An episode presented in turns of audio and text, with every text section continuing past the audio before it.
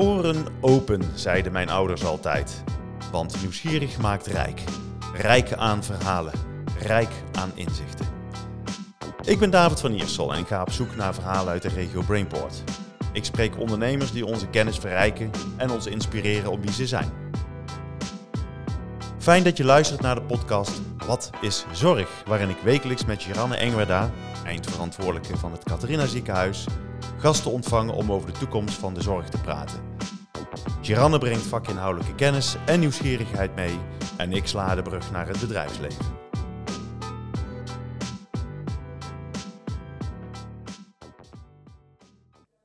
Mijn eerste gast van vandaag is niemand minder dan Giranne Engwerda zelf. Welkom in onze eerste aflevering van Wat is Zorg, uh, Geranne. Dankjewel, David. Heb je er zin in? Ik heb er ontzettend veel zin in, ja. Ja, want wij gaan samen ongeveer zo'n tien afleveringen presenteren. En dan ben jij mijn vaste tafelgast, sidekick genoemd. Ja. Um, en daarom is het ook leuk dat de allereerste aflevering ik jou ga interviewen. Want de mensen, die, de, de luisteraars en de mensen die geïnteresseerd zijn in dit onderwerp, die willen natuurlijk weten wie jij bent. Maar kun jij misschien eens vertellen wie je bent? Ja, tuurlijk kan ik dat. Uh, als ik iets weet, is uh, wie ik ben. Mm. We gaan heel veel nieuwe dingen ontdekken in deze podcast, hoop ik. Maar uh, één ding is zeker, ik weet wel een beetje wie ik ben inmiddels. We hadden het er net over, ik word binnenkort 60, hè, dus dan heb je aardig wat achter de rug en zijn er bepaalde dingen uitgehard. En ja, ik ben met heel veel plezier, en daarom zit ik ook hier eindverantwoordelijk voor het Catharine ziekenhuis. Ik, ik, werk daar nu 6,5 jaar in de raad van bestuur. En uh, nou, ik vind het het mooiste ziekenhuis in Nederland. En ik vind deze regio ook heel erg interessant en leuk om te werken. Ik kom niet uit Brabant, dat hoor je misschien ook wel in mijn stem. Ik Klopt. heb uh, geen, geen Brabants accent. Ehm, maar wij wonen sinds 5,5 jaar in Veghel. We zijn wel naar Brabant verhuisd toen ik in Eindhoven ging werken. Want Engwerda, dat klinkt als Noord. Ja, Engwerda is, is Fries. Mijn man komt uit Leeuwarden. Dus een stadsvries in Brabant, zeggen we wel eens tegen elkaar. En hij werkt nog in Apeldoorn, dus we hebben een mooie plek gezocht in Brabant uh, tussen Apeldoorn en Eindhoven in. En uh, in een periode dat onze kinderen ook uh, de deur uit zijn gegaan. Dus die wonen, de een woont in, in Rotterdam, onze dochter woont in Rotterdam en onze zoon woont in Utrecht. Ik heb zelf altijd in de zorg gewerkt, met heel veel passie en liefde en nog steeds. Ehm, en vooral aan, ja, aan de bedrijfsvoerende kant. Dus ik ben geen medicus, ik ben geen professional ehm, in, in wat ik doe. Maar ben vooral iemand die probeert om, uh, om de zorg vanuit de bedrijfsvoerende kant uh, ook iedere dag een stukje beter te maken met, met de mensen waarmee ik samenwerk. En dat vind ik super leuk om te doen, want het is een sector waar mensen echt met passie werken, echt met een intrinsieke motivatie. Ehm, ehm, en dat zie je in alles terug. In alle lagen van onze organisatie zie ik dat terug. En ook in de samenwerkingsverbanden met andere organisaties in de zorg. En uh, ja. Want zou je ook in een andere branche kunnen werken? Of ben je zo ingeworteld in, het, in de zorg? Ja, ik heb daar wel eens over nagedacht. Maar ik, ik, ik, wat ik ontzettend leuk vind aan de zorg is die passie, maar ook wel de complexiteit, uh, het intellect wat er zit, uh, de logistieke uitdagingen. Het is heel divers. En de uitdagingen naar de toekomst zijn enorm. Dus ik, ik heb nou zoveel opgebouwd, ook in de zorg, ook een netwerk, uh, heel veel contacten, heel veel kennis en ervaring. Uh, het zou heel goed kunnen dat ik die ook op een andere plek kan inzetten. Ik ben bijvoorbeeld toezichthouder ook bij de Fontes in, uh, hier in Eindhoven. Dat is natuurlijk een hele andere sector en dat vind ik ook superleuk om te doen. Um, maar mijn hart en mijn passie zit toch echt wel in de zorg. Oké, okay, en, ja. en de afgelopen zes en een half jaar dus bij het Catharina ziekenhuis. Ja. ja. En jij zegt uh, met veel uh, enthousiasme het mooiste ziekenhuis van Nederland. Ja. Zou ik ook zeggen als ik jou was. Maar waarom? Ja. Nou ja, het is een ziekenhuis wat uh, in de genen, en dat past ook wel bij, bij de Brainport-regio, echt een ondernemend ziekenhuis is. We hebben heel veel ondernemende dokters ook en, en toenemende mate ook verpleegkundigen in het ziekenhuis. Uh, en dat, dat, uh, dat zie ik in heel veel dingen terug. Dat wij, als het gaat om vernieuwen, als het gaat om verbeteren, als het gaat om uh, dingen anders doen, ja, echt wel in de voorhoede zijn in Nederland. Ook intensief samenwerken dan met name met de TUE op dat gebied en met zes andere ziekenhuizen verspreid over Nederland in Santion-verband. Dus er zit heel veel ontwikkelkracht in onze organisatie. Ehm, er zit ook heel veel uh, verbinding tussen de organisatie en de medische staf. Uh, dat is soms wel verschillend per ziekenhuis. Mijn ons ziekenhuis is dat van oorsprong. Is ook echt wel een, een ziekenhuis waar de, waar de artsen mee verantwoordelijkheid nemen in de organisatie van, uh, van, de, van, en de verbetering van de zorg. En we hebben een, een, een aantal gebieden waar we ja, op academisch niveau ontwikkelen en zorg bieden. Uh, met name voor patiënten met uh, hart-vaataandoeningen en uh, patiënten met kanker. Ja, doen wij, bieden wij zorg aan die ook in universitair medische centra wordt geboden. Dus echt mm -hmm. op een heel hoog niveau. En dat kan alleen maar als je dat ook doet in combinatie met allerlei onderzoek en ontwikkeling en opleiding. En die, dat maakt het een hele mooie, mooie organisatie. Ja, want het Catharina ziekenhuis staat ook al bekend om de, om de afdeling hartchirurgie. Ja.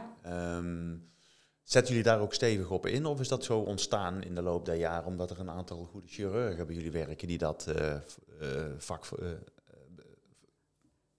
in, in ja, de vingers die, hebben, wou ik zeggen. Ja, ja, ja, ja, ja letterlijk in de vingers ja, hebben, dat hoort er zeker ook bij. Ik dacht, ik ga ik iets verkeerd zeggen, nou, nee, maar dat is niet zo. Dat is niet goed. Maar goed. Ja, ja, ja. Nee, er zit ook heel veel praktisch handelen in, hè, in de ja, zorg om dingen goed te doen. Mm -hmm. Nee, van oorsprong is dat zeker ontstaan vanuit de ambitie van medisch specialisten. En dat zie ik nog steeds terug. Daar waar we ook het meest succesvol zijn, moet ook vooral daar die ambitie uh, vandaan komen. Maar uiteindelijk kan je dat alleen maar opbouwen als je dat uh, ook vanuit de organisatie faciliteert en, en uh, goed doet. Ook uh, in brede zin ook verpleegkundigen hebt die, die complexe zorg mee kunnen vormgeven. Ook afspraken met verzekeraars maakt. Hè, die zeggen van goh, wij zien ook dat jullie daar goed in zijn en dat het belangrijk is om die zorg verder te concentreren en ook te behouden voor Brabant. Dus wij, uh, wij gunnen jullie ook dat profiel. Uh, dus het, is een, ja, een, een, een, uh, het zijn onze speerpunten waar we al jaren mee bezig zijn om die verder te, door te ontwikkelen en, mm. uh, en nadrukkelijk op inzetten. En we zijn natuurlijk ook een ziekenhuis wat midden in Eindhoven staat. Dus een hele andere belangrijke poot is toch echt ook de zorg voor de, voor de regio Eindhoven, met name ook als het gaat om acute zaken. dat mensen, als er acuut wat is, gewoon snel bij ons terecht kunnen en dat we 7 keer 24 uur open zijn ja. voor, uh, voor zorg die op dat moment direct nodig is. Centrale ligging ook, uh, ja. wat dat betreft. Ja, hè? ja, ja. ja. En uh, zeg je dat uh, ook omdat het Maxima Medisch Centrum ligt misschien iets meer buiten, maar vult het elkaar aan? Of heb je, is er ook sprake van concurrentie bijvoorbeeld tussen ziekenhuizen? Ja, dat? ja. Ik weet dat niet, hè? Maar... Nee, maar het, ons zorgstelsel is zodanig dat wij moeten concurreren. Hè? Dus wij mogen niet met elkaar bijvoorbeeld prijsafspraken maken.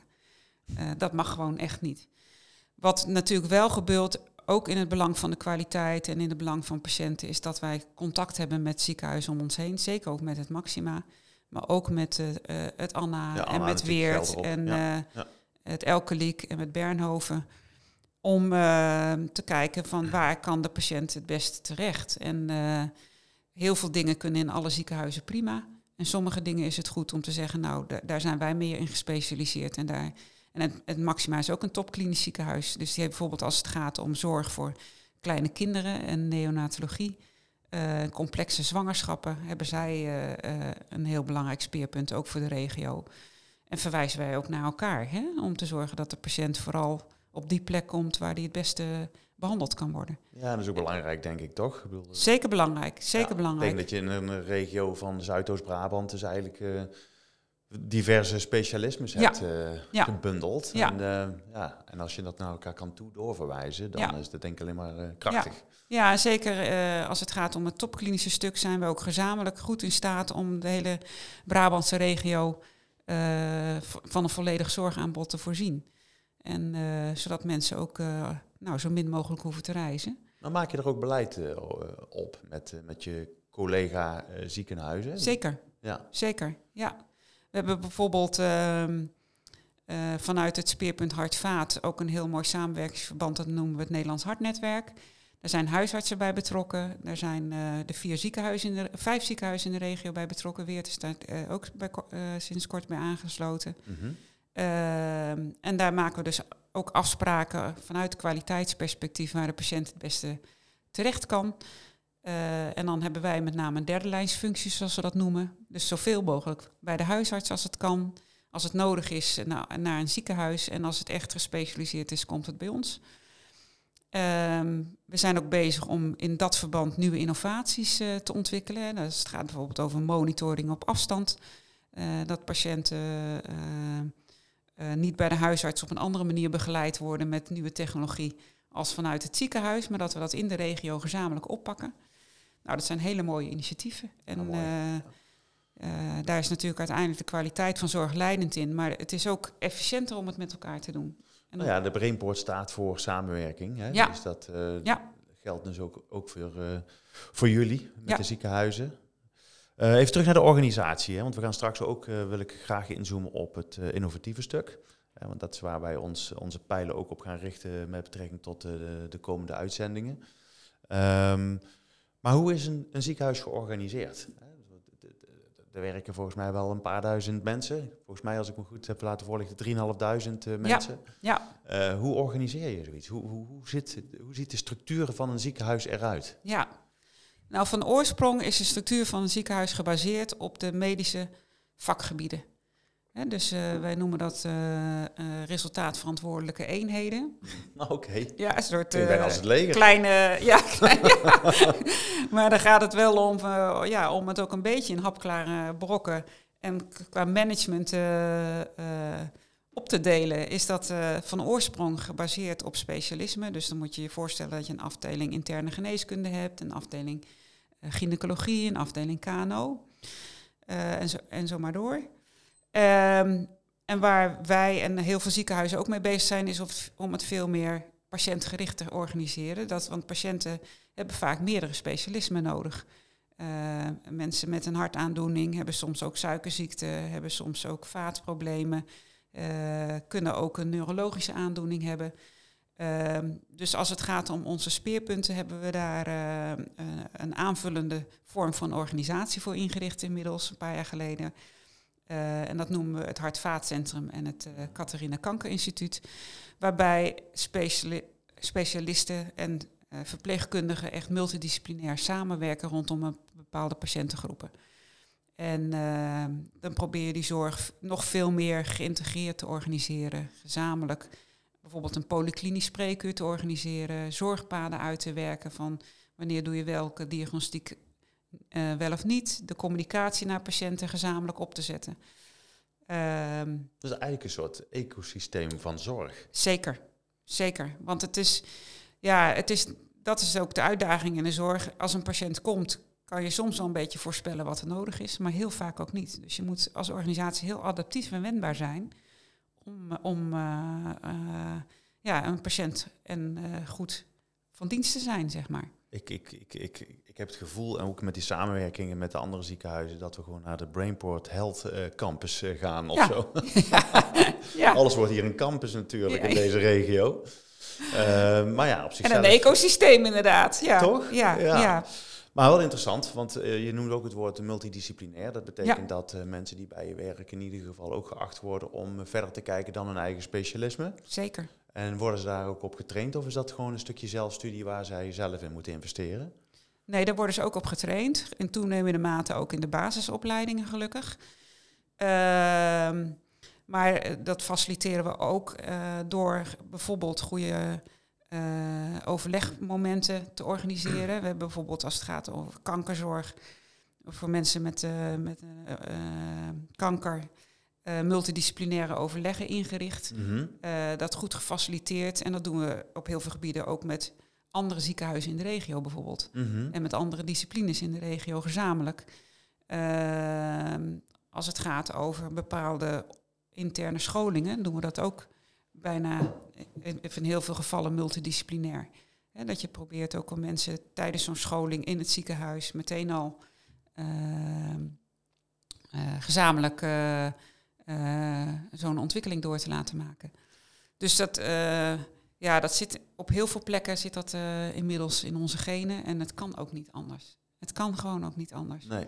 Ja, als je op, ook op een spoedeisende hulp komt, uh, dan kan niet één verpleegkundige of één dokter uh, in de meeste gevallen niet bepalen van dit is aan de rand en dit is nodig. Het is altijd teamwork. Mhm. Altijd. Maar dat, dat, klinkt ook een beetje als een holocratisch model, zoals ze dat wel eens noemen. Uh, waarbij dus, zeker mensen die uh, multidisciplinair inzetbaar zijn, ook uh, beslissingsbevoegd worden op hun afdeling.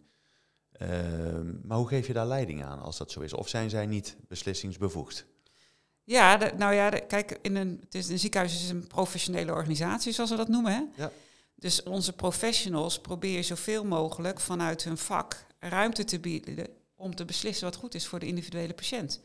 En er zijn heel veel protocollen, er wordt ook heel veel over uh, gemopperd wel, maar je, bij ons mag je daar altijd onderbouwd van afwijken, maar je moet het wel uitleggen als je daarvan afwijkt. Uh, en we we proberen onze, onze uh, mensen die echt vakinhoudelijk weten wat nodig is, vooral ruimte te bieden om te beslissen wat nodig is voor een patiënt. Mm -hmm. Daarnaast heb je natuurlijk wel ook een structuur nodig waarin je met elkaar op het geld let. Of waarin je met elkaar beslist van we hebben tien bedden en we hebben vijftien patiënten. Welke patiënten krijgen nou voorrang? He, want iedere dokter maakt zich hard voor zijn eigen patiënt. Mm -hmm. Maar we kunnen helaas niet iedere dag alle patiënten eh, de hulp bieden die uh, nodig is vanwege alle krapte. Nou, en ja. dan moet je toch met elkaar in overleg. Maar het begint wel bij het individuele contact tussen de professional en de patiënt. Dat is het startpunt van alles wat we doen. Mm en uh, daar zijn we ook altijd in overleg over als dat onder druk komt te staan, wat we kunnen doen om dat zo, zo, maximaal mogelijk te faciliteren. Maar heb je genoeg specialisten of zit daar ook een krapte in de. We hebben genoeg specialisten. Daar zit het wel goed in, zeg maar. En we, we zijn ook in de gelukkige omstandigheid dat wij uh, ja, gewoon echt goede specialisten hebben en dat ook kunnen kiezen welke mensen bij ons willen komen werken. de meeste krapte zit in de verpleegkundige beroepsgroep. En dat zie je eigenlijk in de hele zorg en ook in de hele regio. En, uh, en we hebben natuurlijk de coronaperiode achter de rug. En dat heeft echt een wissel getrokken. Dus ons ziekteverzuim is nou recent gelukkig weer onder de 6% gestart. Maar we hebben op de 11% gezeten, terwijl we rond de 4, 4,5 zaten altijd. Ja, dat, dat is gigantisch. Maar je zegt achter de rug, is het ook achter de rug? Nou, kijk, je ziet dat de naweeën en de nazorg en het, het afkicken ervan, zeg maar, hè, en het herstellen, dat is echt nog niet achter de rug.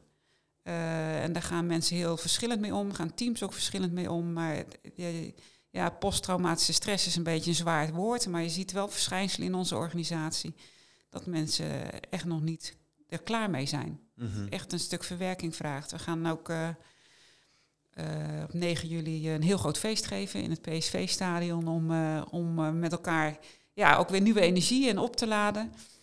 En of het echt achter de rug is, weet ik niet, want het kan best in het najaar weer opvlammen. Dat, dat, was de brug die ik wilde gaan slaan. Ja. Was, gisteren stond de krant er vol van. dat er toch wel gedacht wordt dat het in het najaar weer gaat oplaaien. Ben je er klaar voor? Want er zijn heel veel instanties, las ik, die er, zijn, er eigenlijk nog helemaal niet klaar voor zijn. Ja. Maar is Katrina ziekenhuis daar klaar voor? Ja en nee. Kijk, we hebben de afgelopen twee jaar zoveel geleerd. Dus wij weten heel goed hoe we coronapatiënten moeten opvangen. Hoe we onze capaciteit maximaal moeten benutten. Hoe we ook echt oog moeten houden voor onze mensen.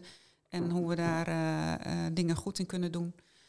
Uh, maar of het genoeg gaat zijn, weet ik niet. Weet ik mhm. echt niet. Nou, je zegt ja en nee. Dus uh, het opleiden van een aantal dingen, de routines die je ja, met voor- en tegenspoed toch hebt opgebouwd. Ja. Uh, die ken je, ja. die processen. Uh, maar um, je zegt ook van uh, nee, ik ben nog niet helemaal klaar ervoor. Wat is de nee? Nou, omdat ik niet weet hoeveel, de, hoeveel vraag er gaat zijn. He, we hebben in de eerste coronagolf waren er heel veel patiënten op de intensive care. Bij de Omicron was dat gelukkig een stuk minder en veel meer in de kliniek. Bij een nieuwe variant kan dat ook weer anders zijn. Kan ook best zijn dat een variant is waarin patiënten bijna niet meer in het ziekenhuis komen. Uh, we kunnen tegenwoordig, en doen we ook veel, uh, ook mensen thuis uh, zuurstof toedienen. Samen met huisarts en thuiszorg hebben we dat ook georganiseerd. Dus het kan best zijn dat de druk op de ziekenhuizen minder groot wordt. Maar het kan ook een hele vervelende variant zijn waarin de IC's weer volstromen. En we hebben gewoon ja, beperkte capaciteit. Het is niet zo dat als wij een IC-bed kopen, dat we morgen daar een patiënt op kunnen leggen. Dat is, hè, je hebt uh, echt hooggekwalificeerde mensen nodig. En die hebben we uh, zoveel mogelijk opgeleid, maar dat, dat is nooit klaar. En het zal nooit, misschien niet genoeg zijn. Kun je kort omschrijven wat daarbij komt kijken? Want zo'n plek uh, op een IC, um, daar komt veel bij kijken, veel specialismes eromheen, ja. zeg je. Ja. Uh, kun je dat eens eventjes heel kort uh, typeren hoe, voor de mensen net als ik die dat niet weten? Ja, nou ja, kijk, een IC is een, een het heet niet voor niks IC, het is afkorting van intensive care, ja. hè, dus het is intensieve zorg. Het zijn mensen die, uh, die, die, komen alleen op een intensive care als ze 7 keer 24 uur echt in de gaten gehouden moeten worden. En daar hebben we heel veel apparatuur voor. Uh, hebben we ook in toenemende mate technologie voor die daarbij helpt. Maar het blijft ook echt mensenwerk. Er moet, moet per IC-bed moet er 7 keer 24 uur een verpleegkundige zijn. En dat zijn verpleegkundigen die moeten en heel goed kunnen lezen hoe zo'n patiënt zich ontwikkelt moeten die apparatuur goed kunnen gebruiken. Uh, en moeten daar heel veel aandacht aan kunnen besteden. Dat vraagt mensen die een langdurige opleiding hebben, maar ook ervaring. En dat is, uh, het klinkt oneerbiedig, maar dat is onze bottleneck uh, om, om zomaar op te schalen. Hè? Ehm, het is niet zo dat, je, dat wij een uitzendbureau kunnen bellen en of mensen die direct van de fontes komen kunnen zeggen van nou ga jij maar eens even IC-zorg doen. Doe maar eens even. Nee. nee, dat gaat niet. En uh, dus we hebben bijgebouwd, ook in het Catharine ziekenhuis, we hebben fysiek extra bedden gebouwd, ook met subsidie van de overheid. Maar waar hebben we het dan over? Hoeveel bedden heeft Catharina nu? We hebben nu uh, 27 intensive care bedden. Mm -hmm. En uh, we hebben er zes bijgebouwd. En, uh, maar daar hebben we nog niet het personeel helemaal volledig voor opgeleid. En dan proberen we ook wel uh, personeel elders, bijvoorbeeld het personeel wat op de operatiekamers werkt, is ook gewend dat mensen beademd worden natuurlijk tijdens een operatie. Dus die hebben we ook uh, gevraagd om te helpen op de intensive care. De afgelopen periode hebben ze ook gedaan. En dat kunnen we in de toekomst ook weer vragen. Maar dan gaan de operatiekamers weer dicht. En dan uh, moeten andere patiënten weer wachten. Het gaat altijd ten koste van iets anders. Ja, ja. Dus ik, ben, ik vind dat met name heel erg spannend. Van, uh, als er een nieuwe variant komt dit najaar, en ik denk dat dat zeker wel gaat gebeuren, is dat een ernstige variant die heel veel beslag gaat leggen op de zorg. En ja, wat gaat dat dan van ons vragen? En welke patiënten worden daar misschien ook de dupe van, die dan weer extra lang moeten wachten? Dat hebben we helaas ook gezien. Even afwachten wat ja. ons uh, ja. Ja, wat boven ons hoofd hangt eigenlijk. Ja. ja. We gaan een brug slaan naar uh, onze serie, Wat is Zorg, uh, waar we nou al uh, volop in bezig zijn. Um, wat ga je verwachten van de mensen die allemaal onze gasten gaan zijn? Wat, ja. wat hoop je te leren, wat hoop je te ontdekken? Ja. Wat, waar ben je nieuwsgierig naar? Nou ja, wat ik al net al een beetje aanduidde, de zorg staat, en niet alleen zorg, maar wij staan voor enorme uitdagingen. Er zijn heel veel rapporten over geschreven de laatste tijd. En wat we zien is dat we over tien jaar alleen al in de ouderenzorg en de ziekenhuiszorg bijna 100.000 mensen te weinig hebben om de zorgvragen op te vangen. We hebben ook het geld niet. Hè? We, bedoel, we moeten ook aan andere delen van de maatschappij geld besteden. Uh, dus de zorg kan niet eindeloos financieel uh, uh, betaald worden. Dus ehm, we hebben enorme uitdagingen. En ik ben heel erg nieuwsgierig met alle technologie die er aan het ontwikkelen is en, en die er voor een deel ook al is, of die ons gaat helpen om ja, dit vraagstuk op te lossen. En om het uh, uh, met de mensen die we hebben, die op een leuke, goede manier aan het werk te houden, hè, zodat ze ook hun pensioen op een goede manier kunnen halen, met veel plezier. Dat we de kwaliteit van de zorg aan patiënten op peil kunnen houden. Dat patiënten misschien ook meer zelf kunnen doen en meer eigen regie ervaren over hun eigen ziek zijn en, en wat dat betekent in hun leven. En misschien ook minder afhankelijk van, uh, van, van professionele zorg. En dat op een manier doen dat het niet alleen maar het verschuiven van de pijn en de lasten is, maar dat het vooral ook leuker, intelligenter, slimmer wordt. Mm -hmm. Daar ben ik heel erg naar op zoek. En uh, ja, dan denk ik, dan is de regio Eindhoven met alle bedrijven die hier zijn, nou ja, die ken je misschien nog wel beter dan ik. en dus ik ben ook heel benieuwd, en daar gaan we samen ook naar kijken, wie we aan tafel gaan uitnodigen. Absoluut. Wat voor innovatieve ideeën er zijn die, die, die ons gaan helpen om dit vraagstuk ja, op een leuke, ook een beetje speelse, energieke manier met elkaar aan te gaan. Want het is, je kan er heel zwaar naar kijken van, goh, we, het gaat ons allemaal niet lukken en het wordt te veel. Maar ik heb ook wel vertrouwen in nieuwe technologie. Uh, dat die ons echt gaat helpen om uh, dat het om over tien jaar de zorg er echt anders uit gaat zien. Uh, en dat we zeggen van goh, dat hebben we toch op een leuke en goede manier met elkaar gedaan. Dus we gaan een, een blik in de toekomst ja, werpen eigenlijk. Ja, ja, een beetje doorkijkje. In, een doorkijkje naar wat er komen gaat, dat vind ik een mooie uitdaging. Maar nou begon je zeg maar deze uitzending te, te vertellen dat je bijna 60 jaar wordt. Ehm, hoe hou jij je nog up-to-date als het gaat om de nieuwe innovaties die er zijn? Ja. En um, ja, kun je daarin mee? Ik ben iets, ietsje jonger, maar um, ik merk aan mezelf al dat ik echt mensen om me heen moet verzamelen om uh, bij te blijven, zeg maar. Herken je dat ook of niet? Ja, dat herken ik ook wel. Uh, ik vind wel de hele social media helpt natuurlijk wel enorm om een beetje op de hoogte te blijven. En uh, het feit dat ik hier zit is voor mij ook weer. Uh, ik ga er ook weer dingen van leren, hoop ik. Ehm, en ik, wat ik ook hoop, want dat zien we in de zorg ook. Er zijn heel veel mensen afhankelijk van zorg die ook minder misschien wat digitaal vaardig zijn. Mm -hmm. Dus ik ben ook wel op, op zoek. En, uh, en dat merk ik aan mezelf ook. Ik ben ook niet de meest digitaal vaardige. Ik probeer het wel, maar ik heb mensen om me heen die veel digitaal vaardiger zijn. Dat we ook met dingen uh, komen die voor minder digitaal vaardige mensen bruikbaar zijn, hè, die intuïtief zijn. Dat merk ik ook in, uh, bij mensen in onze organisatie. Sommige professionals zijn heel digitaal vaardig, anderen niet. Mensen gaan niet in de zorg omdat ze digitaal vaardig zijn. Ze gaan in de zorg omdat ze graag met mensen werken. Mm -hmm. Dus ik ben ook wel op zoek naar technologie die intuïtief is, die laagdrempelig is, die, die, goed doordacht is door mensen die wel digitaal vaardig zijn. En net zoals iedereen kan met een iPhone overweg tegenwoordig. Uh, alle generaties, ook uh, 60-plussers. Mijn moeder is 86. En uh, ja, die, die kan ook heel goed met de iPhone overweg en met de iPad. Ehm, dus ik ben ook wel op zoek naar technologie, zeker in de zorg, die, die, die, die, niet vraagt dat je nou heel digitaal vaardig moet zijn, maar die gewoon intuïtief is en past bij, bij onze sector ook. Want heeft, heeft Catharina Ziekenhuis een, een R&D-afdeling bijvoorbeeld? Of moet je dat echt van buiten gaan halen? Nou, wij, wij hebben geen aparte R&D-afdeling. We hebben wel een, een groepje die uh, gericht is op innovatie. Dus die vooral de organisatie helpt en, de, en daar waar de energie in de organisatie zit om te innoveren, om dat uh, te ondersteunen. Uh, dus wij uh, doen veel samen ook wel met de TUE of met Philips of met andere bedrijven eh, en met professionals dicht in de zorg om dingen met elkaar te ontwikkelen. Mm -hmm. Dus we hebben het niet helemaal apart gezet, maar we doen het vooral ja, zo dicht mogelijk bij ons primair proces en bij de mensen die daar ook werken. Juist om die vertaalslag ook te goed te kunnen maken. dus dat je iets ontwikkelt wat echt bruikbaar is in de praktijk. En uh, dat is ook onze kracht. Dat is denk ik ook een verschil bijvoorbeeld met uh, academische ziekenhuizen, waar ze veel meer onderzoek doen naar fundamentele, de, de oorzaak van ziekte.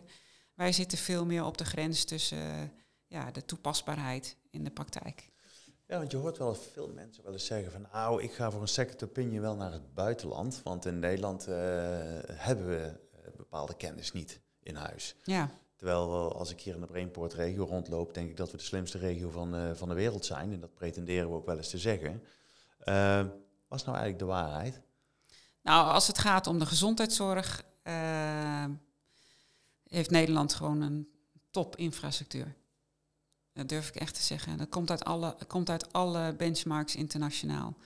Dus je moet wel heel erg iets bijzonders hebben, wil je naar het buitenland hoeven. Je kan hier echt heel goed terecht. Ook voor de hele bijzondere dingen. En uh, uh, er zijn ook heel veel bedrijven die juist in Nederland willen innoveren uh, in de zorg. Ehm, dus ehm, ja, volgens mij is dat zo. Ja, Nou, sluiten we onze podcast, want hij is alweer bijna afgelopen. Zo, Zo dat gaat snel, ja. Dat snel, ja, dus wen er maar aan. Um, maar ik denk dat uh, de, de, de standaardvraag die wij in onze serie zullen gaan uh, stellen aan onze gasten is... Uh, hoe ziet de zorg er over een, nou pak een beetje minimaal vijf of tien jaar uit? met daarop dan een korte antwoord. Wat zou jouw antwoord zijn? Hoe ziet de zorg er over tien jaar uit? Wat is er veranderd? Ja, ik denk dat de zorg veel meer rondom patiënten georganiseerd wordt. Thuis of op het werk. Hè, dat je bij wijze van spreken even met je dokter kan, uh, kan, uh, kan sparren. Uh, ook tijdens je werk. In plaats van dat je ervoor naar het ziekenhuis moet. Dat je veel meer ook allerlei devices en monitoring dingen hebt om te kijken of je vitaal en gezond blijft. En als je een chronische ziekte hebt, veel meer zelf kan organiseren. zodat je ook zoveel mogelijk gewoon kan blijven leven in plaats van ziek bent. Uh, en dat onze professionals uh, nou, nog steeds praktisch handelend bezig zijn ook. Dat, dat blijft ook, denk ik. Ik denk niet dat robots alles over gaan nemen. Maar uh, wel veel slimmer ook. En veel meer ook een coachende rol gaan innemen. In, in hoe je als patiënt en met je ziekte om kan gaan. En voor de rest denk ik dat die krapte blijft. En hoop ik dat we uh, ook in staat zijn om uh, de vraag naar zorg door allerlei gezondheidsverschillen wat uh, kunnen afbouwen. Dat vind ik nog de meest spannende of dat gaat lukken. Maar dat is meer een maatschappelijk vraagstuk dan ik vanuit mijn verantwoordelijkheid heel veel aan kan doen. Nou. Maar dat is het laatste, denk ik. Ja. Dat, hoop ik dat dat verandert. Tot zover de glazen bol van Geranne. Uh, nou, we gaan het meemaken. We gaan die vragen ook stellen aan uh, al onze gasten. Dus uh, laten we dat doen. Dankjewel voor deze aflevering alvast, Geranne. De kop is eraf. Tot zover deze aflevering van Wat is Zorg? Dank voor het luisteren. Blijf ons volgen op LinkedIn en Instagram en deel vooral je luisterervaring, zodat ook jij anderen inspireert.